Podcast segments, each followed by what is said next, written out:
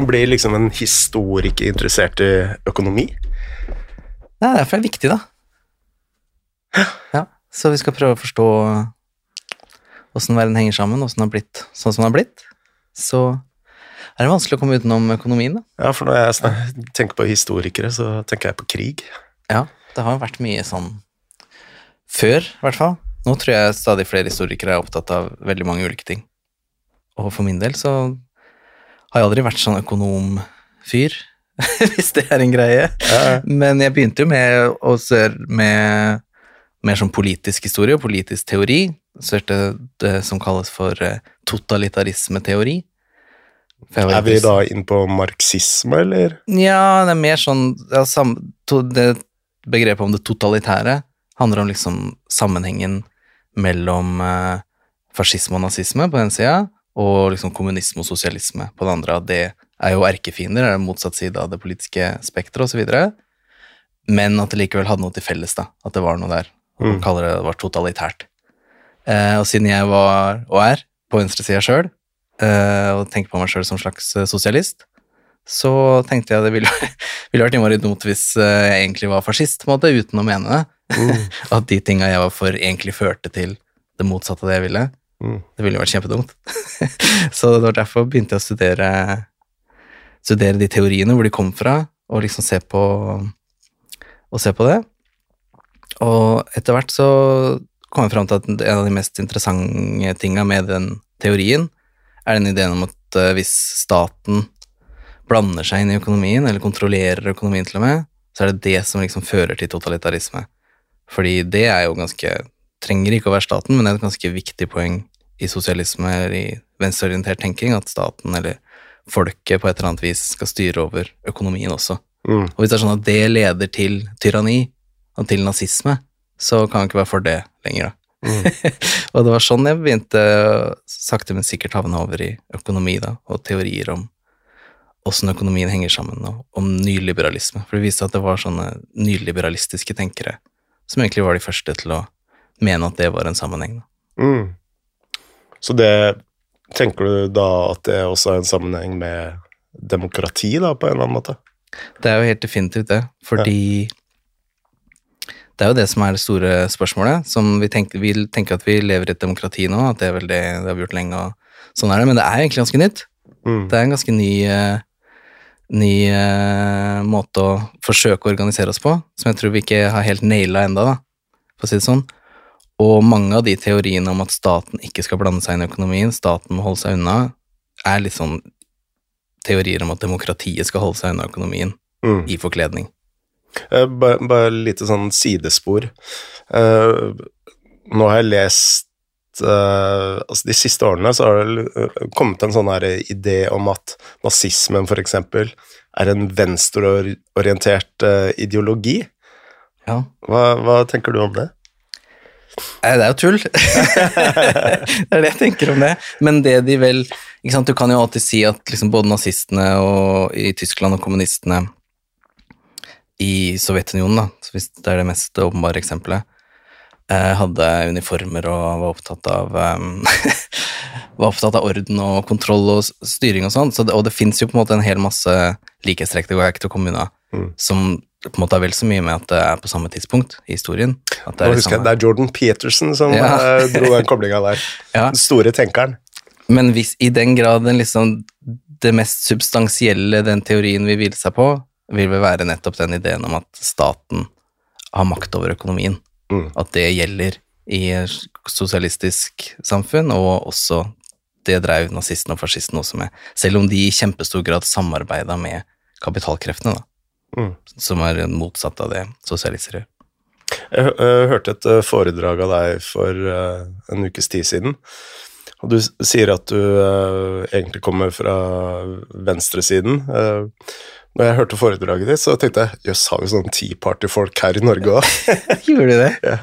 Jeg har faktisk fått høre en gang før fra noen studenter på BI at det var bra at endelig kom noen ordentlig sånn nyliberalister og forklarte Hayek, som er en nyliberalistisk filosof, da. Mm. Grundig. Men uh, hvis, hvis du sier at dette er en uh, ganske ny retning om Altså både dem demokrati og nyliberalisme og måten vi økonomisk har organisert samfunnet vårt i Vesten, da. uh, hvor starter man da i verdenshistorien og, og norgeshistorie? Altså starter vi med Adam Smith og Wealth of Nations, eller må vi enda lenger tilbake i tid? Nei, Vi kan jo alltid gå lenger tilbake i tid. Det er liksom det som eh, er gøy med å være historiker, og sånn som gjør at du kan eh, aldri komme noe sted. fordi alt har alltid en forhistorie. Ja. Så hvor langt tilbake skal du gå, på en måte? Mens eh, jeg tenker relevant for å begynne et sted, da, så er det relevant å begynne i mellomkrigstida. Mm. Det er da det, man Hayek, som jeg nevnte, og flere av hans kolleger eh, slår seg sammen og begynner å utvikle litt nye teorier om, eh, om eh, markedets rolle i samfunnet, som definitivt bygger på Adam Smith, det er ikke noen tvil om, men de responderer jo på en slags, noe helt annet enn Adam Smith, fordi de lever eh, De lever i en tid hvor sosialisme er en faktisk liksom det er ikke bare noe så, sånne livsfjerne akademikere som meg snakker om. Det er liksom en realitet. Det har vært eh, revolusjon i Russland, det har vært det i, i Wien. Wien, som, som de byr, bor i, eh, var, hadde en slags bysosialisme. Mm. Eh, det var revolusjon i Berlin som ble slått ned. Det var en slags eh, revolusjon i Ungarn, i München. Så overalt så er det snakk om at det faktisk blir sosialisme, da. Og det er heller ikke tilfeldig at denne tankeretningen oppstår omtrent akkurat samtidig som demokrati med allmenn stemmerett virkelig Vi har ikke hatt det lenger enn 100 år i Norge, eksempel. Nei. Så de tingene her henger jo sammen. Jeg prøver ikke å si at liksom sosialisme er det samme som demokrati, eh, men eh, det er i hvert fall to ting som på en måte oppstår samtidig, og det er jo det de er redd for, at demokrati kommer til å føre til sosialisme. At Mm. det er liksom helt av seg sjøl. Så blir det jo sånn at hvis alle, hvis alle skal ha like mye makt, eh, så kommer eh, eiendomsforholdet i verden til å endre seg ganske betraktelig. Det er jo det de liksom er redd for. Og det er, veldig mye sånn eh, Selvfølgelig mye reaksjonært i det, at de er mot det og redd for sine egne privilegier. De kommer fra borgerskapet og adelen alle sammen. Så det er jo lett å se det, og det er lett å si, men det er jo ikke noe, på en måte noe nytt, det. Men så har de også liksom Det er noe som er nytt og spennende med det også, eh, nemlig at de holder opp markedet som eh, som noe som er større enn liksom menneskeheten sjøl, nesten. Mm. Det er litt sånn spasa, men det er også noe litt sånn progressivt i det. At alt det, alt det folk ønsker å oppnå med sosialismen, det kan vi oppnå gjennom markedet. Mm. At det er- en slags positiv respons på det, da. Og det, dette er Fredrik Hayeks Mm. eh, tanker. Mm. Mm. Det er, jeg, nå, prøver, nå leser jeg han i beste mening, prøver det. Ja. Så jeg, jeg tenker at det er en sånn progressiv kjerne der, selv om det kanskje kommer fra et reaksjonært sted. På en Mm. måte. Det er på en måte såpass på defensiven også, at de må tilby noe, tilby noe i retur.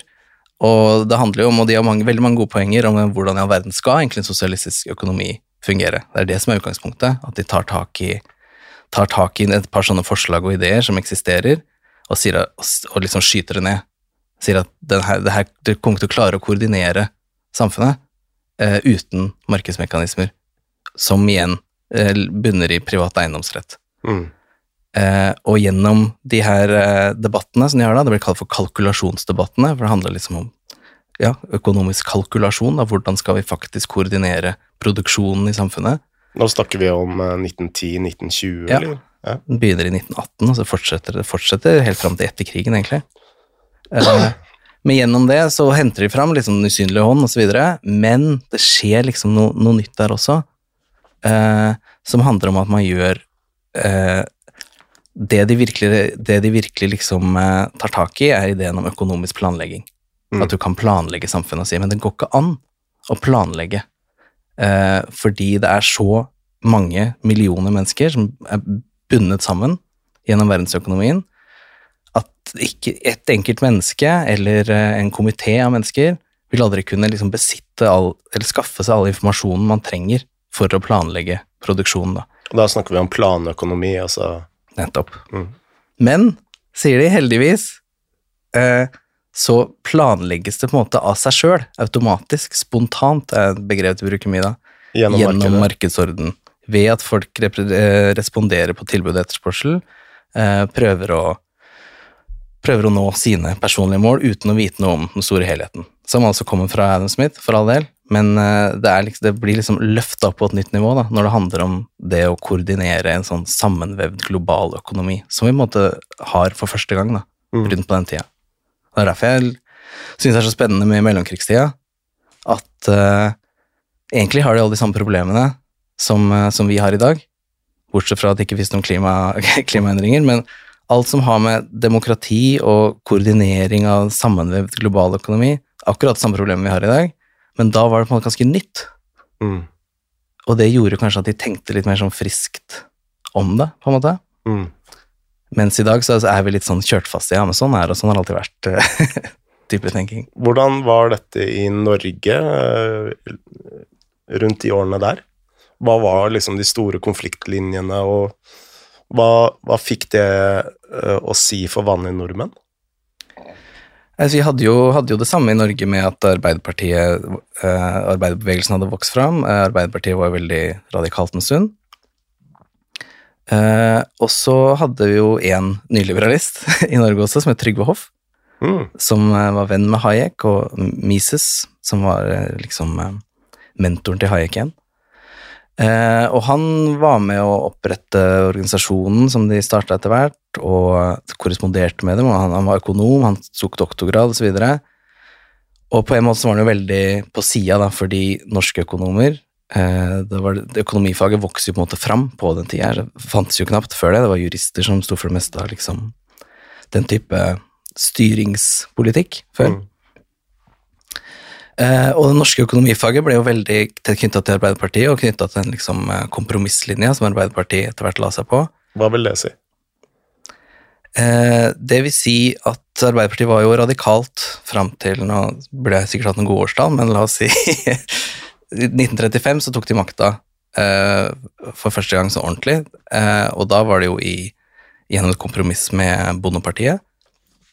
Og det er kanskje et uttrykk for måten Arbeiderpartiet ble mindre radikalt og tenkte at de skulle eh, ta over makta, men ikke sosialisere produksjonsmidlene. Ikke, ikke hive ut alle kapitalistene, men heller samarbeide med dem. Mm. Eh, så det blir mer I starten var de veldig opptatt av De var alltid opptatt av arbeiderklassen, men etter hvert så ble de mer og mer opptatt av nasjonen. Ja. Eh, og prøve å tenke at det finnes en slags nasjonal helhet som kapitalistene også er en del av. Så på mange måter un, Jeg vil ikke si de underla seg, de norske kapitalistene, men de fikk i hvert fall de norske kapitalistene til å samarbeide med dem, om Mm. at de hadde på en måte felles mål, og det fungerte veldig bra. Eh, vanskelig, å, vanskelig å krangle med det. Eh, det går an å si at de hadde et fokus på redistribusjon først, at de var opptatt av å ta pengene til de rike og omfordele dem til alle arbeiderne, de fattige. Og så ble de i stedet mer opptatt av produksjon, produsere ny rikdom, som så kunne fordeles mer, eh, mer eh, rettferdig. Og det var et kompromiss som fungerte bra. Det var ikke bare, var ikke bare i Norge. Det er noe som skjedde eh, over hele den vestlige verden. Mm.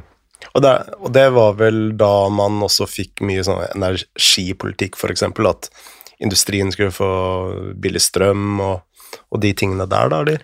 Ja, og det var jo, det var jo sånn veldig sånn oppgjør med Særlig etter krigen, da. Eh, da begynte jo begynte på mange måter før krigen, men særlig etter krigen, hvor man liksom fikk en ny start eh, osv., av åpenbare årsaker. At eh, virket sånn som Trygve Bratteli skrev sånn pamfletter mot nå, nå, nå er det slutt på liberalismen. Nå, skal vi, nå skal folket ta kontroll over økonomien, nå skal vi styre skuta. Nå skal det virkelig liksom Nå skal, nå, skal, det nå skal alt endre seg. Så det var en hard kamp innad i Arbeiderpartiet langt ut på etter andre verdenskrig? Ja, kanskje ikke etter, men i mellomkrigstida Mm. så var det jo det. Og den liksom mer eh, reformistiske linja Ja. eh, vant fram, som jo fortsatt var sosialistisk. Eh, de snakka til, og Einar Gerhardsen snakka jo om sosialisme så lenge han levde, han. Eh, men at det var, ikke noe som skulle, det var noe som skulle skje gradvis. Man skulle liksom ta makta, og så sakte, men sikkert endre samfunnet fram mot sosialismen. Mm. Så det blir noe annet enn liksom nå bare kupper vi makta og setter opp nye planleggingsråd og sovjeter. Men likevel, målet var fortsatt det samme, da, et sosialistisk samfunn. Mm. Eh, jeg har snakka litt om Hayek, og eh, bare for å stoppe lite grann. Eh, Hayek var en såkalt østerriksk økonom, og han for, eller den østerrikske skolen, den forbinder jeg veldig med ytre høyre-siden på en eller annen måte. Eh, men så kommer det en annen skikkelse inn i økonomisk historie òg, og det er jo Kanes. Um, som nå har på mange måter blitt litt sånn uh, hovedfiender, da. Hvor var Kanes i disse årene? Og Keynes, Keynes var jo liksom litt midt imellom, for han var jo delvis på han var delvis på Arbeiderpartiets side, og, og, de norske økonomene, Ragnar Frisch og Trygve Hovelmo, som var veldig kritiske til Trygve Hoff, da, som var den norske nyliberalisten. Og det var jo Frisch og Hovel, det var de som var institusjonen, var de som hadde makta, for all del. Uh, og de var blant annet inspirert av Keynes, eller Keynes. Jeg er alltid usikker på hvordan jeg skal si det. Keynes eller Keynes? Jeg aner ikke. ja, jeg pleide å gå for Keynes, men nå sa du Keynes, så nå ble jeg usikker. Uh, men, og, og Keynes også. Uh, jeg tror det er Keynes. Du tror det? Jeg tror jeg har hørt mest Keynes. Ja. I, særlig mange europeere snakker, man snakker om keynesianism på engelsk, ja. keynesianisme, men de sier alltid keyne, keynesianism. Veldig komplisert uh, uttale. Men uh, hvor var jeg? At jo, altså Hayek var jo en slags, så på seg sjøl som en slags hovedutfordrer til Keynes mm. i mellomkrigstida. Og han ble blant annet henta fra Østerrike, for han var østerriksøkonom, det betyr han var, var fra Østerrike. Men han tilhørte også det som da ble kalt den østerrikske skolen. Mm. Og han ble jo blant annet headhunta til LSI i London for at han liksom skulle ta opp kampen mot Kanes, som var i Cambridge, og som hadde mye innflytelse eh, på, på, økonomisk politikk i England. Mm. Og det gikk ikke så veldig bra, da, av mange grunner. Eh, og der finnes det 3000 artikler om liksom hvorfor tapte Hayek kampen mot Keynes. Gjorde han egentlig det, osv. Men han trakk seg på en måte Det var på en måte det som bidro til at uh, For Keynes ville at staten skulle uh, bruke masse penger for å få i gang økonomien osv. Og, så og han, Keynes var ikke noen sosialist, han kalte seg for liberalist, mm. men han ville jo på en måte redde kapitalismen fra seg sjøl, omtrent, da, mm. med, ved hjelp av staten. Det syns Hayek var veldig skummelt, veldig farlig. Uh, og så fikk han ikke noe særlig gjennomslag for det, uh, og det bidro jo til at han på en måte For han var økonom, men han snudde jo på en måte ryggen til økonomifaget, nesten. Slutta nesten å være i hvert fall det som ble en sånn typisk hovedstrømsøkonom, og gjorde at han også markerte avstand til det som blir kalt det nyklassiske rammeverket, som er liksom uh, det som er hovedstrømmen innenfor økonomifaget. Ja, altså Hvis du skal studere økonomi på universitetet, så er det det du ja. blir lært opp i. Ja, nettopp. Ja. Uh, og han blei mer en sånn slags filosof, nesten. da, En sosialfilosof som på en måte skrev mer sånn traktater. Mm. Uh, og det, på samme tid så blir økonomifaget mer og mer matematisert, at du må være mer god i matte for å kunne liksom forholde deg til noe av det du driver med, mens det han gikk ikke liksom Han kunne forstått matte, han òg, men han gikk i en annen retning, da. Og ble mm. opptatt av psykologi og alle mulige andre ting. Uh, bare litt mer om Kanes. Altså, du uh, snakka litt om pengepolitikken. Altså, det som kjennetegner kynisme, da, det er at du bruker pengetrykking som igjen skaper litt inflasjon, eller visse tider mye inflasjon, for å stimulere økonomien, eller? Ja, du må ikke trykke penger, eh, men du må bruke penger, i hvert fall. Eh, hvor du får dem fra, et annet spørsmål. I ja. Norge, så blant annet, så trykte man vel aldri drev ikke med underskuddsbudsjettering da, i Norge, fordi man var ganske Likevel, ganske, selv om Arbeiderpartiet på en måte tok makta, så fortsatte de å være nokså konservative på den måten. At de drev mm. ikke med underskuddsbudsjettering. Men det er definitivt en del av kensianismen at man kan underbudsjettere, i hvert fall, eh, for å eh, sprøyte penger inn i økonomien, da, rett og slett, og få folk i arbeid, sånn at det igjen han kalte for multiplikatoreffekten. At mm. hvis du bruker liksom statlige penger på å sette en eller annen fyr i arbeid, og han mente at det kunne virkelig være hva som helst, han sa at du kan, du kan betale folk for å grave grøfter, og så kan du betale en annen gruppe folk for å fylle den igjen. Det er mm. faktisk ikke noe å si hva de gjør, fordi det de får penger mellom hendene, så bruker de det, og så sprer det seg videre i økonomien, og man får en multiplikatoreffekt. Nå husker jeg ikke det har blitt regna ut flere ganger, da, er hvor mye er den? Mm. Men så mange ganger mer får du igjen for de mm. pengene. Så det er lurt for staten å bruke penger, eventuelt til og med gå i underskudd. Men, eh, men, både Hayek og Keynes var liberalister øh, på en eller annen måte? Ja, ikke sant. Så Keynes er en sosialliberalist, går det an å si. Mens eh, Hayek grunnla på en måte nyliberalismen, og han grunnla den i opposisjon til sosialliberalismen. Ja. De det snakka om at de var mot eh, sosialister, at det er der det kommer fra, men samtidig så mente de at sosialliberalisme, det, det bare blir til sosialisme. Ja. Det, er en veldig, det er en litt sånn lettvint tenkning de står for, sånn sett, hvor det er liksom ja, Sosialisme det blir jo bare til fascisme uansett, og sosialliberalisme det blir jo bare til sosialisme, som blir til fascisme. Så er alle som ikke er oss, blir til fascister til slutt. Mm. Men de levde jo i den tida de gjorde, da, og så det rundt seg, så var det det som på en måte bidro til at de følte at de måtte klistre det på alle de var uenig i. Ja. Så, opp, så de, kal, de kalte det nyliberalisme sjøl en liten stund, slutta med det seinere, det er ikke så viktig hva vi kaller det, men det som gjør at det er et ganske godt ord, er at de både eh, var mot sosialliberalister, fordi de mente at de ble, ble sosialister, Mm. men at de også ville gå et hakk videre fra det som ble kalt laissez-faire-liberalismen, de som på en måte sa at staten måtte holde seg unna alt. Ja. For det er det som er litt spennende her, at selv om de er liksom mot statlig planlegging, statlig innblanding, så er de ikke mot staten i seg sjøl. De vil at staten skal bare gjøre andre ting, skal legge til rette for markeder. Skape markeder, til og med. Mm. Så det er liksom nøkkelen, det er liksom der det Snakker vi da om regulering, eller eh, Ja, det vil jo si at de på en måte er mot reguleringer, så det er mye sånn retorikk også, for de bruker den laissez-faire-retorikken. Liksom at markedet klarer seg best selv, hold deg unna markedet, eh, staten må ikke blande seg inn. Men samtidig så innså de veldig tidlig, og i starten var de mest opptatt av det, så ble det kanskje i deres interesse å liksom ikke snakke så mye om det. Men tidlig så innså de at det er ikke sånn at markeder er noe som oppstår av seg sjøl, hvis du fjerner alle liksom kunstige hindre Nei. markeder er like mye en sosial konstruksjon som en hvilken som helst annen eh, menneskelig institusjon. Så du må faktisk skape markedene på et eller annet vis. Og det er jo gjennom, du kan kalle det hva du vil, da, men du kan godt si gjennom regulering. At markedet må reguleres for i det hele tatt å eksistere. Mm. Der har vært mye liksom Det her, det her skrev nyliberalistene om sjøl på 30-tallet, og så glemte liksom alle det. Og så kom liksom nyliberalismens gjennombrudd, det, på 70-tallet, og alle sa å, nå er det laissez-faire-liberalismen som har kommet tilbake. Og så, siste liksom 20-åra, så er det mange som har skrevet smart om at men faktisk så er det jo ikke at staten trekker seg unna eller går bort, det er bare at staten Staten blir jo ikke mindre i den tida vi lever i i dag heller, Mm. men staten gjør andre ting. Staten prøver å legge til rette for markedsmekanismen på alle mulige måter. Og det viktigste liksom, utgangspunktet er jo eiendomsrett og kontraktlover og sånne ting. Og så kan det være alt mulig annet på toppen av det. da. Bare for et lite sidespor, og bare for å knytte det frem til i dag. Altså, jeg har fulgt med litt i eh, bitcoin-debatten.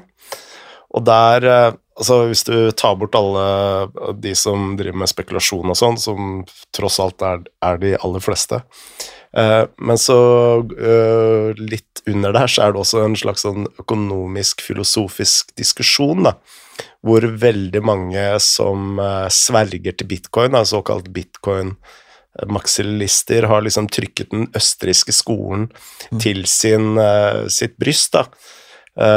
Og eh, nærmest bruker bitcoin som en slags protest mot Kanes. Ja, og, og du nevnte jo det i stad også med liksom sammenhengen mellom østerrikske skolen og høyreekstremisme, eller alt-right-bevegelsen. Fordi siden Hayek da, har det jo skjedd mye rart i den såkalt østerrikske skolen. Blant annet så har de slutta å være østerrikere, det er stort sett amerikanere. Okay, Ja. Ja. det var, og blant annet fordi Mises, som var Hayek sin mentor, han flytta til eh, USA, og etter hvert så ble det et slags sånn brudd mellom ulike deler av den østerrikske skolen også, da, Mm. hvor noen var mer eh, sånn kosmopolitiske, den liksom positive delen av den østerrikske skolen, som handler om i hvert fall tar seg utgangspunkt i frihet for alle og fri bevegelse osv. Andre delen blir mye mer sånn reaksjonær og blir opptatt av at liksom Fordi jeg vil snakke om det at eh, at de var jo enige om at markeder ikke oppstår av seg sjøl, at de trenger en del sånn regler og normer. Og en del av den østerrikske skolen ble opptatt av at de normene er kulturelle, de er knytta til det vestlige. Og dermed så ble de ganske rasistiske, da. Mm. Eh, som da går egentlig i en helt annen retning. Så eh, når nyliberalistene kritiserte sosialistene at det alltid ville ende opp i fascisme Det var de falt- som endte opp i fascisme. ja. Ironisk nok. Og, er mange av de ja. Ja, og Mises sjøl ga jo en slags kvalifisert støtte til fascistene på 30-tallet også, Ja. fordi han mente de hadde gjort en god jobb med å bekjempe kommunistene. For det er, det er liksom det viktigste for dem. Det er å bekjempe sosialisme. Mm. Det er liksom det det starter der, tenker jeg. Det, det har kanskje vært en sånn historisk måte å se på ideologier og politisk og økonomisk tenkning på, er å ikke se på det som liksom abstrakte ideer, men å sette det i sin tid, da. Mm. Og i den tida de levde, det viktigste for dem var å kjempe mot sosialistene. Mm. Og ut fra det liksom startpunktet, så vokser mange av de ideene fram, da. Det er jo argumentet til eh, veldig mange av frontkjemperne, for eksempel. Da. Ja. Var altså, de uh, slåss ikke for nazismen, men mot kommunismen. Ja, ja. Jo. Så kan man jo si Det er veldig lett, lett å si et, etter krigen. Ja. Men tilbake til bitcoin, så, så var det sånn at Hayek kom med et forslag en eller annen gang, kanskje 70-tallet, eh, om eh, privatiserte penger, som da som senere har blitt løfta fram som en litt sånn oh, han, han grunnla bitcoin, eller sånn. Han Eh, forutså bitcoin videre. Fordi de mente at eh, staten burde ikke ha tilgang, burde ikke ha den makta som den har i dag, mm, eh, til å faktisk lage penger, da. Fordi det er jo en, det er kanskje en slags eh, underliggende idé her, er at for- Det jeg snakka om, Kanes Keynes med at, han, eh, at, eh, at du kan bare grave en grøft og fylle igjen, det er jo på en måte absurd. Men allikevel så får det konsekvenser, og dermed så er det liksom at du kan gjøre noe for å endre på økonomien. Du kan gjøre den bedre, ikke sant? mm, På et eller annet vis så kan, du, kan mennesker ta tak i verden og forbedre den. mm, Og det er en slags dyp, dyp konservativ eh, eh, åre i den østerrikske skolen som er at nei, verden den er, den er sånn som den er, under der, og den måten den er på, det er riktig. Det er sånn det skal være, og hvis vi mennesker blander oss inn, på en måte, eller prøver å endre den, eh, så blir det feil uansett. Da får, liksom, får det perverse konsekvenser. Vi prøver å oppnå noe bra, så blir det dårlig. Det er liksom det Hayek sa om, om Keynes, for så vidt, om alle mulige statlige programmer. At jo, det høres jo høres jo bra ut, sikkert den eh, kommer fra et godt sted, men konsekvensene kommer til å være at eh, vi ødelegger noe som faktisk er der, som er spontant, og som har vokst fram av seg sjøl, og som egentlig vi ikke kan forstå. Mm. Det er en sånn idé der om at, uh, om at økonomien egentlig er uforståelig. mm, At vi, Bortsett fra for Hayek, da, kanskje. Han forstår at det ikke går an å forstå den, så han sier til oss at vi andre må holde oss unna. Mm. Uh, og på en måte så er jo det en litt sånn ikke, Jeg vil ikke si progressiv, men det er jo, det er jo i hvert fall noe sant i det. Eller at liksom Man kan jo tenke at eh, mange er veldig overmodige, eller at, at eh, hele den østerrikske tanken om at verden er utrolig kompleks, mm, og måten ting henger sammen på, det er så utrolig mange sammenhenger at det som økonomer i dag også tenker at de bare kan oppsummere det i noen ligninger, og så, så drar vi den ene spaken her på det bordet, og så blir økonomien litt mer sånn og litt mindre sånn. Det er jo veldig sånn arrogant. mm, Eh, så det er liksom, synes jeg er et slags positivt trekk, og noen ganger, noen ganger så synes jeg det nesten høres litt sånn radikalt ut, ting som kommer fra østerriksk hold, om hvor, ja, rett og slett om hvor komplekst det her systemet er, og vi må ikke komme her og tro at vi bare kan eh, Planlegge. At vi bare forstår alt, og så bare kan vi ha, kan vi, kan vi ha liksom en komité som styrer alt. Men på den annen side så er det jo, er det jo dypt reaksjonært også, da, eller i hvert fall konservativt. At det er liksom en Ingen må komme her og prøve å endre på noe. Fordi det er riktig sånn som det er. Mm. Jeg mener det er grunnleggende feil sånn som det er. Sånn at Ja, på hvilken måte da? I verden uh, som, som helhet. Ja, Nei, bare at uh, det er ekstremt urettferdig. ja sånn, ja. Ja. Mm, Og at vi må selvfølgelig forsøke å endre på den og gjøre den bedre, og liksom lage teorier som tar som sitt utgangspunkt at vi ikke skal gjøre det. Men jeg tenker at det er noe vi kan uh, ta med oss, da. Den påpekninga av hvor utrolig vanskelig det faktisk er. Det kom kompleksiteten, ja. Ja. Mm. Uh, du starta samtalen med å si at uh, denne blandingen mellom uh, Kaller man planøkonomi og, og nyliberalisme, er det det man kaller det, eller? Hva da? Nei, altså det at nyliberalismen da kommer inn i Blandes med sosialismen på Ja. en annen måte, da. Kaller vi det egentlig bare blandingsøkonomi, eh, for å Nei, altså nå har vi snakka mye om østerrikerne, men det er ikke de eneste nyliberalistene heller, da. Nei. Så det fins flere liksom retninger der. Man må si at østerrikerne er viktigst først, kanskje, sammen med de tyske ordoliberalistene. Eh, Men så Og er de det hørtes skumle ut. Ja, nei, de er ok på sin måte, de. Men de er jo ekstra De var ekstra opptatt av å bruke staten, da. Mm. For å skape markeder, for å skape god konkurranse, for å regulere. Så de er liksom ingen De elsker markeder, og derfor elsker de også staten. Mm. Eh, og det er en retning som var superviktig i Vest-Tyskland i etterkrigstida, og etter hvert også i hele EU-samarbeidet. Men det er en litt annen type nyliberalisme. Og så Ja. en tredje en, som kanskje er enda viktigere, i hvert fall sånn globalt, eh, er da Chicago-skolen. Amerikanske Chicago-skolen. Og den er annerledes igjen fordi for fortalte at Hayek liksom vendte ryggen til eh, nyklassiske økonomifaget. Det gjorde ikke Chicago-økonomene. De, liksom, de hadde samme, enig i den samme grunnleggende ideen som Hayek, om at den moderne verden må være basert på markedsmekanismer, og vi må bruke staten til å legge til rette for det, på et eller annet vis. Men de opererte liksom innafor det faget, og dermed så kunne de på en måte også få ganske stor innflytelse, fordi det økonomifaget er så viktig, da. Blei det i løpet av etterkrigstida. Hvem var de største tenkerne i Milton Friedman er stjerna i Ah, ok. Chicago-skolen. Ja. Men de er jo veldig opptatt av Kanes òg, er det ikke det? Ja, de var jo de som liksom Hvis Hayek klarte liksom ikke å, å, vinne, å vinne kampen mot Keynes, men klarte på en måte Friedman, Mm. går det an å si, på 70-tallet, at han liksom brukte masse eh, krefter og energi på en måte sk- skyte hull i den fortellinga som fantes om mellomkrigstida. For fortellinga da var at vi hadde en økonomisk krise, og så gjennom Keynes sine ideer om at staten kunne ta grep, så kom vi oss ut av det. Mm. Eh, Milton Friedman og masse andre Chicago-økonomer brukte mye tid på å prøve å, å skyte hull på det, både sånn historisk, og prøvde å forklare, forklare depresjonen i USA eh, med at det var sentralbanken som hadde gjort feil, osv. At det var der, det var der nøkkelen lå, ikke i så, sånn at når staten brukte penger, så, så hjalp det på kort sikt, men ikke på lang sikt. Det hadde jo på en måte, Keynes hadde et veldig berømt sitat eh, hvor han sa at eh, fordi økonomifaget før Keynes mente på en måte at staten burde ikke blande seg inn, fordi i det lange løp, in the long run, så kom det uansett til å jevne seg ut til slutt. Arbeidsledigheten kom til å gå over av seg sjøl. Mm. Og da sa han det går ikke an å Og det var jo masse arbeidsledighet, ikke sant? Og han sa det, det går ikke an å sitte og si det, vi må gjøre noe, vi kan gjøre noe, og in the long run, we're all dead. Så Mm. det har ikke noe å si. Mens det Freedom på en måte gjorde, var å komme på 70-tallet og si at ja, men nå er det the long run. Etter de tinga vi begynte å gjøre i mellomkrigstida og etterkrigstida, nå er det the long run, og nå ser vi at det likevel ikke fungerte. Mm. Fordi da hadde man økonomisk krise og stagflasjon osv. Og, så videre. Og det klarte, klarte liksom Chicago-økonomene å gripe tak i på en måte som fikk konsekvenser over hele verden, også i Norge, hevder jeg i boka mi, da.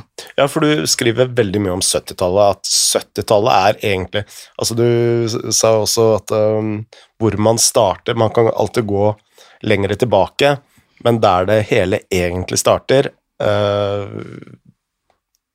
Med tanke på dagens situasjon, er egentlig 70-tallet. Og hva skjedde på 70-tallet? Da, da hadde man jo en økonomisk krise, og hva, hva betyr det? Det er jo på en måte bare et ord. Mm. Eh, Det var ikke like ille som i mellomkrigstida, med masse arbeidsledighet osv. På ingen måte. Men det ble forstått som en krise fordi det systemet, det planstyringssystemet som man hadde både innad i nasjoner, som i Norge, og ikke minst overnasjonalt, fungerte ikke lenger, da. Ting fungerte ikke sånn som det skulle. Og Er det da vi får en energikrise, Oljekrise. oljekrise? Ja. Og det kan man jo si, det har jo ingenting med liksom økonomien å gjøre i det hele tatt, det er jo geopolitikk. Det er jo at eh, de arabiske statene bestemte seg for å ikke selge olje, og så videre. Mm. Så det er kanskje en av de viktigste driverne. En annen veldig viktig driver er Vietnamkrigen, og hvor mye penger eh, USA brukte på å finansiere Vietnamkrigen gjennom underskuddsbudsjettering, som vi snakka om, keynesiansk krigføring. Ja. Eh, og det gjorde at Richard Nixon bestemte at, eh, at eh, dollaren ikke lenger skulle kunne veksles inn i gull, som var et veldig viktig eh, fundament i etterkrigstidas økonomiske system, som delvis ble, designa av Keynes. Mm. Eh, Sånn at eh, det er jo mange ting som ikke er økonomiske her. Vietnamkrigen, eh, hva heter det, Yom Kippur-krigen i 73. Eh, men likevel så fikk man fikk nyliberalistene, sånn som Milton Friedman, da. Og det var ikke sånn at alle sa 'Å, Milton Friedman, du har aldri rett i ideene, vi elsker deg', selv om han fikk jo Nobelpris, såkalt nobelpris og mange andre ting. For eksempel i Norge så var mange veldig kritiske til Milton Friedman, men det var likevel sånn at Milton Friedman og mange andre Chicago-økonomer klarte å liksom dytte konsensus i økonomifaget ganske mange meter til høyre, da, Mm. også i Norge. Og bakgrunnen for den krisa Det er man fortsatt ikke Det her er jo Man skulle jo ønske at folk liksom hadde svara på hvorfor alt skjer, og, men 70-tallet spesielt, det er ganske kort siden. Og jeg vil si at jeg kom inn i det Jeg holdt jo på med mellomkrigstida og alle de tingene vi snakka om her før. Så jeg kom liksom inn i 70-tallet litt utenfra og tenkte ok, hva er det som har skjedd her? Nå skal jeg lese meg opp. Ikke si det er enighet om hva som egentlig skjedde der. Det Ja, for det er, er to og tre og fire ulike historier på og så får det jo politiske konsekvenser, da. Hva, hva liksom historien om, om eh, 70-tallet egentlig er. Mm. Det får konsekvenser for hvordan vi organiserer oss i dag. Definitivt. Hva er ytterpunktene i forklaringen uh, i krisa på 70-tallet? Ja, det jeg har funnet som jeg syns er litt morsomt, er at to av ytterpunktene egentlig er det samme, men med, de er litt enige om hva som skjedde. Fordi hvis vi tar på en måte den nyliberalistiske forklaringa, Mm. eh, så er jo den at eh, en så sterk stat som blander seg så mye inn, ikke bare liksom ved å lage markeder og legge til rette for å regulere og sånne ting, men som virkelig liksom styrer ulike industrier, som eier industrier, kjempehøye skatterater, som gjør at liksom det er staten som, i ulike land som legger retninga for økonomien. Hva skal man satse på, hva skal man ikke satse på? Alt det avgjøres av liksom politikere og byråkrater, ikke av, eh, ikke av de som faktisk investerer kapital, til en viss grad. Det var jo alt de var mot, og de mente det var totalt ineffektivt, og, og kom til å føre til en slags kollaps etter hvert, at det kom ikke til å fungere. Mm. Det er deres eh, forklaring på krisa. Eh, mens den marxistiske, eh, venstreorienterte forklaringa eh, er jo heller at det kompromisset da, som man fikk i mellomkrigstida, hvor eh, arbeiderklassen fikk eh, bedre jobber med godt betalt og høyere levestandard, og det var en slags demokratisk styring av økonomien, samtidig som vi fortsatt hadde kapitalister som tok ut overskudd og dreiv det meste av produksjonen. De to tinga eh, kan liksom ikke eksistere samtidig så veldig lenge, fordi det er konkurrerende. Det er ulike prinsipper for hvordan man styrer samfunnet. Enten så styres det ved demokratiske vedtak, at Mm. folk stemmer, og så blir det sånn, eller så styres det av at kapitalister eh, gjør de tinga som de mener er best for sin inntjening, og så reinvesterer og så videre. Så man kan se på det som en Nå legger jeg det kanskje fram som at det er veldig negativt, for jeg mener jo det, men man kan også se på det som en slags positiv Mm.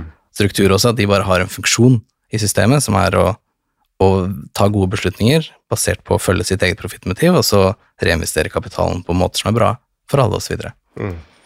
Og den marxistiske liksom, analysen, eller det trenger ikke være marxistisk engang, men i hvert fall ganske venstreorientert, da, er at det, det er to motstridende prinsipper, og det fungerte så lenge man hadde høy vekst, når man hadde i etterkrigstida veldig høy økonomisk vekst, eh, men idet vekstraten ble lavere, som var det som skjedde på 70-tallet, eh, så blir det liksom mindre å dele på, og da, og da hva er det, når krybben er tom, så, så bites hestene, eller noe sånt noe. Mm.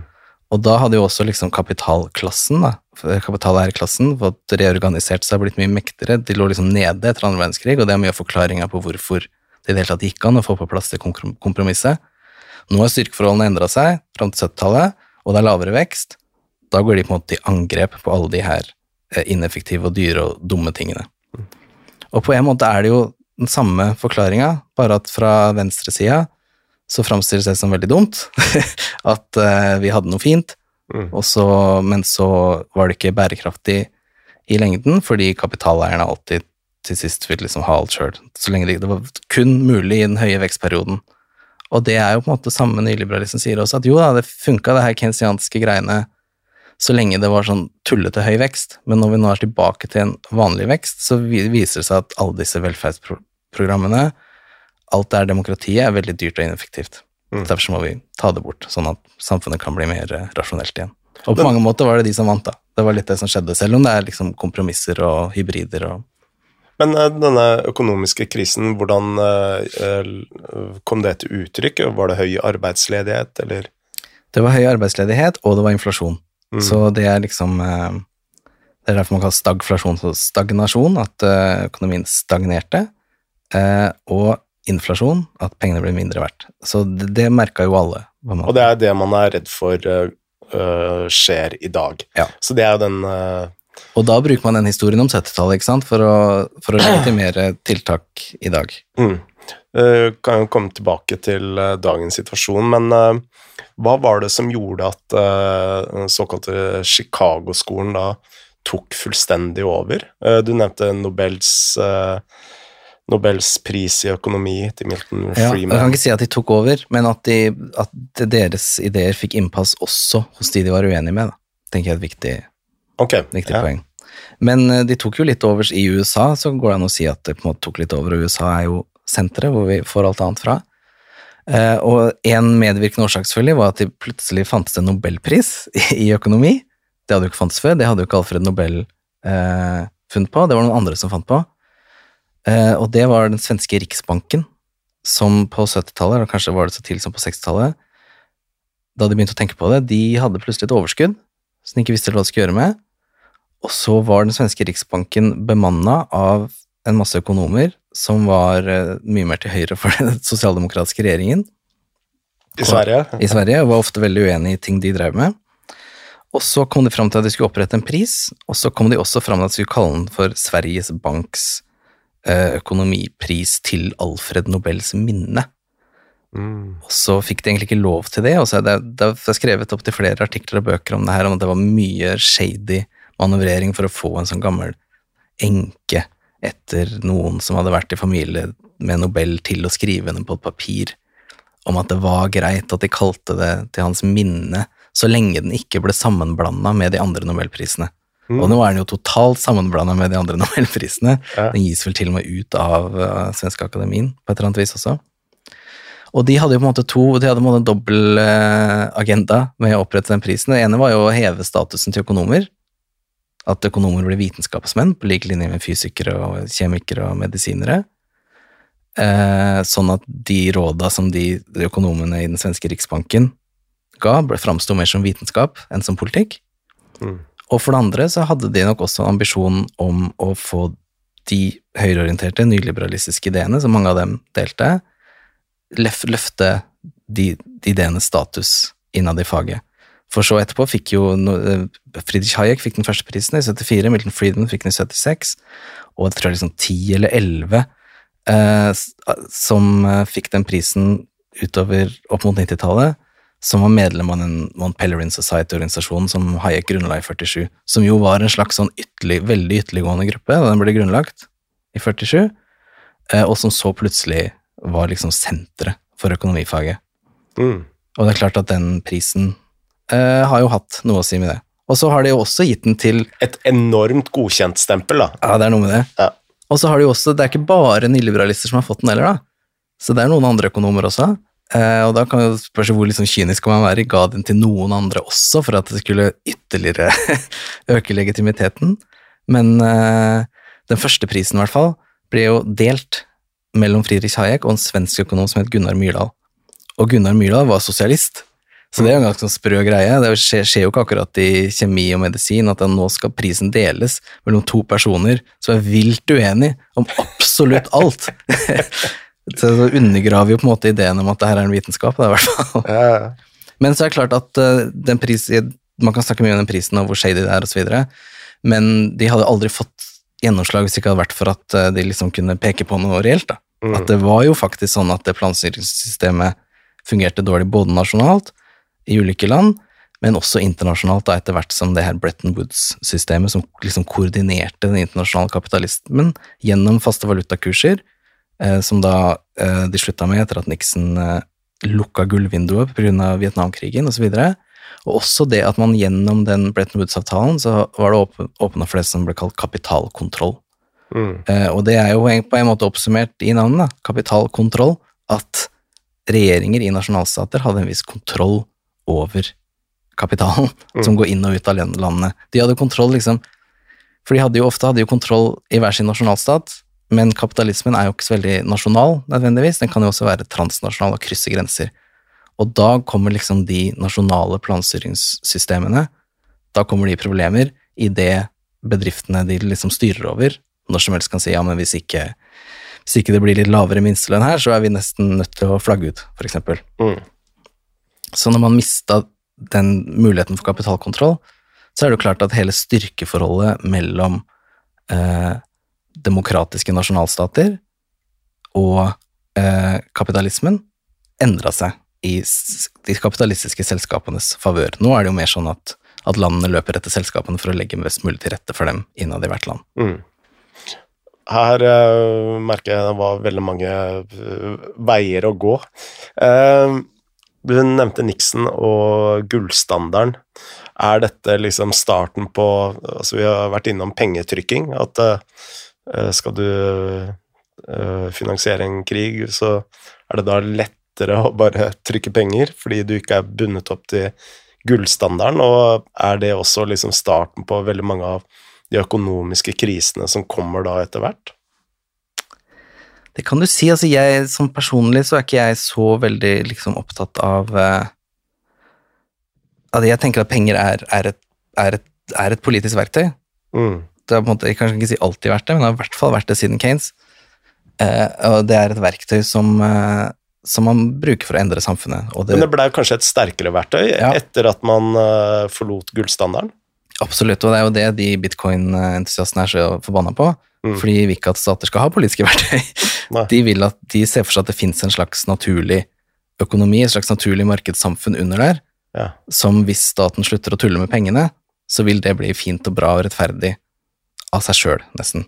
Som jeg tenker er en fullstendig illusjon, da. Men fordi det er, det er alltid sosialt konstruert, uansett hvem det er som står bak. Og da tenker jeg at det er ikke så dumt hvis staten er de som står bak, fordi staten med alle sine feil og mangler, tross alt i vår tid, eh, har sin basis i demokratiske valg. Da, Mm. Det er derfor jeg er såpass opptatt av, av at det planstyringssystemet som fantes i etterkrigstida, selv om det var masse tull med det, og selv om, eh, selv om det var veldig mange beslutninger som ble tatt av liksom eh, eh, menn i dress i røykfylte rom, at det var ikke nødvendigvis en sånn demokratisk drømmeverden, det, for all del. Mm. Men det var en, slags, en liten blipp i verdenshistorien på den måten at det var et slags forsøk på å faktisk ha en eller annen slags demokratisk kontroll over økonomien. Mm. Som, jeg tenker er, det, er det, som jeg tenker er det vi må ha, da. Hvis vi skal få Ja, for jeg oppfatter det du egentlig er opptatt av, det er samspillet mellom uh, stater og markedet, Mm. og, og ikke minst kontrollen over markedet. Og uh, utover eh, 70-tallet og, og skyter kanskje enda mer fart utover 80-tallet, da begynner jo nyliberalismen å ta virkelig form og få mye større plass, også i Norge. Og eh, en av de interessante tingene eh, for en som har vokst opp med Gro Harlem Brundtland og Kåre Willoch-debattene, eh, hvor de skyldte på hverandre om hvem som hadde skylda for den økonomiske krisen på slutten av 80- og 90-tallet og starten på 90-tallet, så skriver du om at, uh, ny, at det var faktisk Arbeiderpartiet som starta den uh, nyliberalistiske tanken inn i politikken eh, allerede på 70-tallet. Ja, så jeg tenker at det er et liksom typisk tegn på det. Jeg tror ikke det nødvendigvis det er til liksom partiprogrammene vi må gå for å forstå uh, utviklinga, den nyliberalistiske utviklinga, eller markedsvendingen, som jeg kaller det i boka mi. Mm. Eh, de, både Høyre og Arbeiderpartiet har gjort cirka det samme eh, i alle de tilfellene her, sånn at det er noe underligge, det er noe som ligger bak, nemlig den økonomiske krisa på 70-tallet. Det er dit vi på en måte må gå eh, for å skjønne hvorfor de her tingene har skjedd. Mm. Fordi eh, det er eksempel et godt eksempel at eh, Torbjørn Angeland skrev et, eh, skrev et kapittel til et festskrift for Kåre Willoch en gang. Kanskje ble han 70 eller 80, jeg husker ikke hva det var. Eh, og der skriver han om hvordan ja, alle de reformene som Willoch kom med da han var statsminister, som vel var 81 til 86 eller noe sånt nå, um, alle de reformene var nødvendige og gode uh, for å redde sosialdemokratiet. Så egentlig hadde Kåre Willoch var en slags sosialdemokrat, er liksom poenget hans i den artikkelen. Og alle reformene han gjorde, var egentlig forberedt av Arbeiderpartiet før han tok over. Mm. Og da, uh, da Arbeiderpartiet tok over etter Høyre igjen, i 86, det var jo da de virkelig ble gjennomført til alt det som Willoch ikke hadde klart å gjennomføre, fordi han ikke var venner med LO. Mm. Det klarte Arbeiderpartiet å gjennomføre da de tok over igjen. Fordi de var venner med LO. Det er jo en del av forklaringa, tror jeg. Mm. Eh, så poenget til Jagland var å si at Kåre Willoch er egentlig sosialdemokrat, men et annet, et annet poeng, en annen måte å se det på, vil være at det er Jagland som er nyliberalist, da. Eh, men det er, jeg tror ikke er så viktig å kalle folk for ist, eh, en eller annen slags ist eller en annen.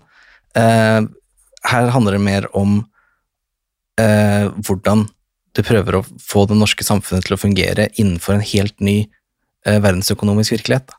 Pragmatisme, på en måte. Definitivt pragmatisme. Sånn at eh, Arbeiderpartiet snakker Hvis du liksom Særlig før forrige valg, så var det veldig sånn åh, nå sa Arbeiderpartiet alt har blitt så ille i Norge nå, all Forskjells-Norge, alt det greiene der, og det er fordi Høyre har styrt de siste åtte åra. Eh, hvis du da liksom viser fram at alle de utviklingene de peker på, begynte jo med reformer som de selv eh, starta, da vil de si sånn nei, nei, nei, det vil si en av to ting. Eller begge to gjerne, da. Det var ikke oss. Det var Høyre. Alltid Høyre, ikke oss. Eller to, ja, men vi hadde ikke noe valg. Mm. Og begge deler kan ikke være sant eh, samtidig. Eh, og det var jo dem, det er ikke noen tvil om. Mens det andre tingen de ofte sier, at vi hadde ikke noe valg, det tror jeg kan ta mer på alvor. At det var i hvert fall sånn de opplevde det sjøl. At det har vært ting som måtte gjøres for å tilpasse det norske systemet til en helt annen eh, økonomisk virkelighet. Det er liksom det sosialdemokratiet som vi, som vi kaller for sosialdemokratiet, som jeg er kjent med, som de som kaller seg sosialdemokrater i dag, prøver å bygge videre på, eller claime. De historiske forutsetningene for den setupen fins ikke lenger. Nei. Og de slutta å finnes på 70-tallet. Og så alt som har skjedd etter det, er forsøk på å måte, tilpasse seg til en ny virkelighet. Det er Ofte litt sånn desperate forsøk, og ofte litt sånn med mye liksom falske, falske innsalg av hva det er man driver med her, må jeg si. Men likevel, man kan ha sympati med at de er, fin, finner seg selv i en helt ny virkelighet. Aner ikke hvordan de skal respondere på det, gjør så godt de kan, prøver å være pragmatiske, og på det tidspunktet hadde liksom Arbeiderpartiet også opphøyd pragmatisme og kompromisse til selve ideologien deres. Ja. For ø, problemet til Arbeiderpartiet uh, på 70-tallet, det var jo at staten hadde blitt gigantisk, uh, og at de måtte begynne å spare penger. Og, så det var ikke nødvendigvis at de kjøpte den nyliberalistiske teorien, men det var en måte for staten å spare penger, eksempel. For eksempel hadde vel Oddvar Nordli en Eh, en tale hvor uh, han fortalte at Husbanken ville få en mindre rolle fremover fordi uh, de skulle liberalisere boligmarkedet, og det var vel for å spare staten for penger. Ja, og det er liksom noe som går igjen over hele verden, og kaller for liksom statens fiskale krise. At staten er blakk, liksom. Samtidig så har jo norske staten aldri Samtidig som det skjer, så finner jo norske staten olje. Ja. og det er veldig merkelig å se hvordan i andre land så er, det litt, er det litt lettere for de som styrer å argumentere for at staten er blakk. Eh, I Norge så blir det stadig vanskeligere eh, å hevde at man er blakk, men de jobber hardt for det likevel. Eh, og det tenker jeg sier noe om at det ikke nødvendigvis er en sånn regnskapsteknisk og vi er tom for penger, bare. Det ligger noe liksom ideologisk her også, om hvordan var en god måte å organisere samfunnet på. Eh, og den norske staten var ikke blakk da, eh, er ikke blakk nå, men de siste 40 åra så har vi knapt snakka om annet enn eh, hvor utrolig farlig det er at vi kan bli blakke. Mm. Som er ganske spesielt å se, egentlig. Så jeg, jeg tror jo ikke nødvendigvis det stemmer at staten måtte, måtte kuttes og bli mindre. Den har i hvert fall ikke blitt mindre heller, selv om vi har snakka mye om det. Mm. Ja. Eh, så jeg tror man kunne liksom kontrafaktisk tatt helt andre grep og sagt nå, er, nå er eh, nå lever vi i andre tider, og hvis vi skal fortsette vårt prosjekt mot et bedre og mer rettferdig og sosialistisk samfunn, så må vi ta helt nye grep eh, her nå. Eh, Det var det ingen som sa da, de ideene på en måte fantes ikke engang, Mm. uten, utenom i ganske marginale miljøer som kanskje ikke hadde de mest realistiske planene heller. da. Og det igjen tror jeg også henger sammen at hvis det skulle ha gått, hvis man skulle liksom tatt eh, neste skritt da, så måtte det også hatt en overnasjonal ramme. Mm. Det er ikke noe man kunne gjort i ett land heller. Eh, men kanskje er vi der i dag, at vi, at vi kan tenke på den måten. Mm. Eh, Tror du eh, når eh, Chicago-økonomene f.eks. får så mye legitimitet, da, at eh, alt det de sier da liksom blir en sånn sannhet som alle tror på, og så det sniker seg inn i sosialistiske partier også? At vi må gjøre det Ja, ja, og der tror jeg, tror jeg at økonomifaget spiller en rolle i dag også, med å liksom si at på noe det, Ja, å naturalisere eh, noen måter som økonomien fungerer på, da. Og ja, men sånn er det bare, det må bare politikeren forholde seg til. Nå har, Hvor lenge er det siden vi valgte en ny progressiv eh, regjering nå? Og det er et drøyt halvår. Og vi allerede, de har allerede gjort det veldig tydelig at de egentlig ikke kan få gjort noen av de tinga de sa de skulle gjøre, fordi økonomene i Finansdepartementet fortalte meg at det er sånn. Mm. Og de er jo sikkert flinke, de økonomene i Finansdepartementet, de har i hvert fall veldig mye makt. Men da skulle man ønske seg at, eh, at det fantes politikere, sånn som det gjorde i etterkrigstida og mellomkrigstida, som også kunne veldig mye, og som turte og klarte å tenke nytt og si ja, men må det egentlig være sånn? Må det egentlig være sånn at uh, det Ja, viktigste hvis- vi kan gjøre, er å Ja. jobbe for at renta ikke skal gå opp? Fordi hadde politikerne hørt på økonomene, f.eks. da vi fant olje, Det hadde ikke gått så bra. det hadde ikke gått så bra. Så det, det, der er det litt brain drain, tror jeg. Eh, Men når vi snakker om liksom, nyliberalismens inntog i eh, norsk økonomi, da, altså eiendomsmarkedet står vel kanskje helt sentralt der. Eh, og så får du såkalte New Public Management eh, utover 90-tallet og, og 2000-tallet. Eh, og for å liksom dra det litt sånn fram til i dag, da, så eh, sånn jeg ser det, så er det jo en sånn pendel, da, som må liksom være på riktig sted, da. Altså det må være nok på sosialistisk side og eh, nok på eh, Altså det er et samspill der som må, må fungere, og det er jo ingen tvil om at eh, det er liksom staten, eh, oss velgere, som bør ha en hånd på, på, på rattet, og jeg bor jo i gamlebyen. Eh, og når jeg ser ned på eh, Sørenga og Barcode, hvor eh, nesten halvparten av leilighetene er eh, sekundærboliger Men det er ikke nok med at det er sekundærboliger. Uh, mange av de boligene der òg er eid av uh, mennesker eller selskaper i skatteparadiser som vi ikke vet hvem er engang. Og da tenker jeg har den pendelen da i nyliberalistisk retning gått for langt? Og når vi da også ser på sykehusene, da, eh, så leste jeg en sak her forleden om at man har feiloperert eh, meniskpasienter, altså pasienter som har slitt med mennesken sin i, i foten eller benet. Eh, Men fordi sykehusene da får eh, eh, betaling for hver operasjon de tar, og det er en enkel operasjon, så har, de liksom ikke satsa på opptrening. Og da tenker jeg, da er det noe som er må justeres litt, kanskje, da. Ja. Og i hvert fall sånn ny public management-ting, der tenker jeg det er litt håp, da, fordi, fordi der er det jo mange, mange ideer. Altså, Ideer om måten vi skal gjøre offentlig sektor bedre på, er ved å late som den er privat sektor. Mm. Og, og det er jo på en måte Den ideen kan man jo etter hvert skjønne at er dum, og så eventuelt begynne å gjøre ting annerledes igjen. Ja, for her er det jo håp at pragmatismen kan slå inn igjen, da. Ja. Men det Eh, tar lang tid, vet du. Fordi nå er det jo snart bare de som sitter på toppen av det systemet, som tror på det. Mens de er jo godt betalt, får jo godt betalt for å tro på det, og de kommer til å slutte å tro på det som det første. Men der er det i hvert fall litt håp, da. Mens mer sånn den generelle samfunnsutviklinga Jeg er litt mot egentlig litt mot sånn pendel, pendeltenking, fordi det er jo bare, det er jo bare en uh, metafor. Det er jo Ja. ikke sånn virkeligheten, liksom. Egentlig, vi lever ikke inni en pendel, liksom. Nei, nei. Men uh, dersom man da tenker at ok, men nå må liksom nå må, nå må demokratiet få mer makt, nå må staten ta litt mer grep, nå må vi gå litt tilbake igjen til sånn som det var. Som jeg opplever er litt det du sier. Mm. Nå må demokratiet og staten ta med Kontroll ja, men, men på en pragmatisk måte, videre og. Mm. Men, og det er jo lett å si, eh, men da må man jo også liksom ha et slags program for hvordan skal man få til det, da? Hvordan skal demokratiet igjen få den makta Mm. til å faktisk sette de rammene og stille de krava til kapitalistene, som man gjorde i etterkrigstida? Hvorfor kunne man gjøre det? Jo, fordi alt lå totalt i ruiner, og det var omstart etter noe av det verste som har skjedd i menneskehetens historie. Mm. Det var det vi trengte, liksom, for å få til det. Så hvis vi skal få til noe lignende i dag, sier jeg ikke at vi må ha krig, nå er det fortsatt krig eh, enkelte steder, men da må vi i hvert fall ha ganske grundige planer og tanker for hvordan i all verden vi skal kunne gjenopprette en sånn makt. da. Det er sjekk av seg sjøl. Nei. Hm. Altså, det kunne, jeg tenke meg, det kunne jeg på en måte ønske meg at eh, folk som er litt mindre sosialistiske enn meg, men som er litt mer sånn i mellompartiet, vi må ha litt pragmatisk litt av hvert, ja, det er fint, men da må vi i hvert fall ha en slags eh, Da må vi ha en idé om hvordan det skal kunne gjennomføres i det hele tatt. Annet enn å bare si at det er liksom fint at staten, staten styrer litt, men vi har også kapitalister som gjør masse bra.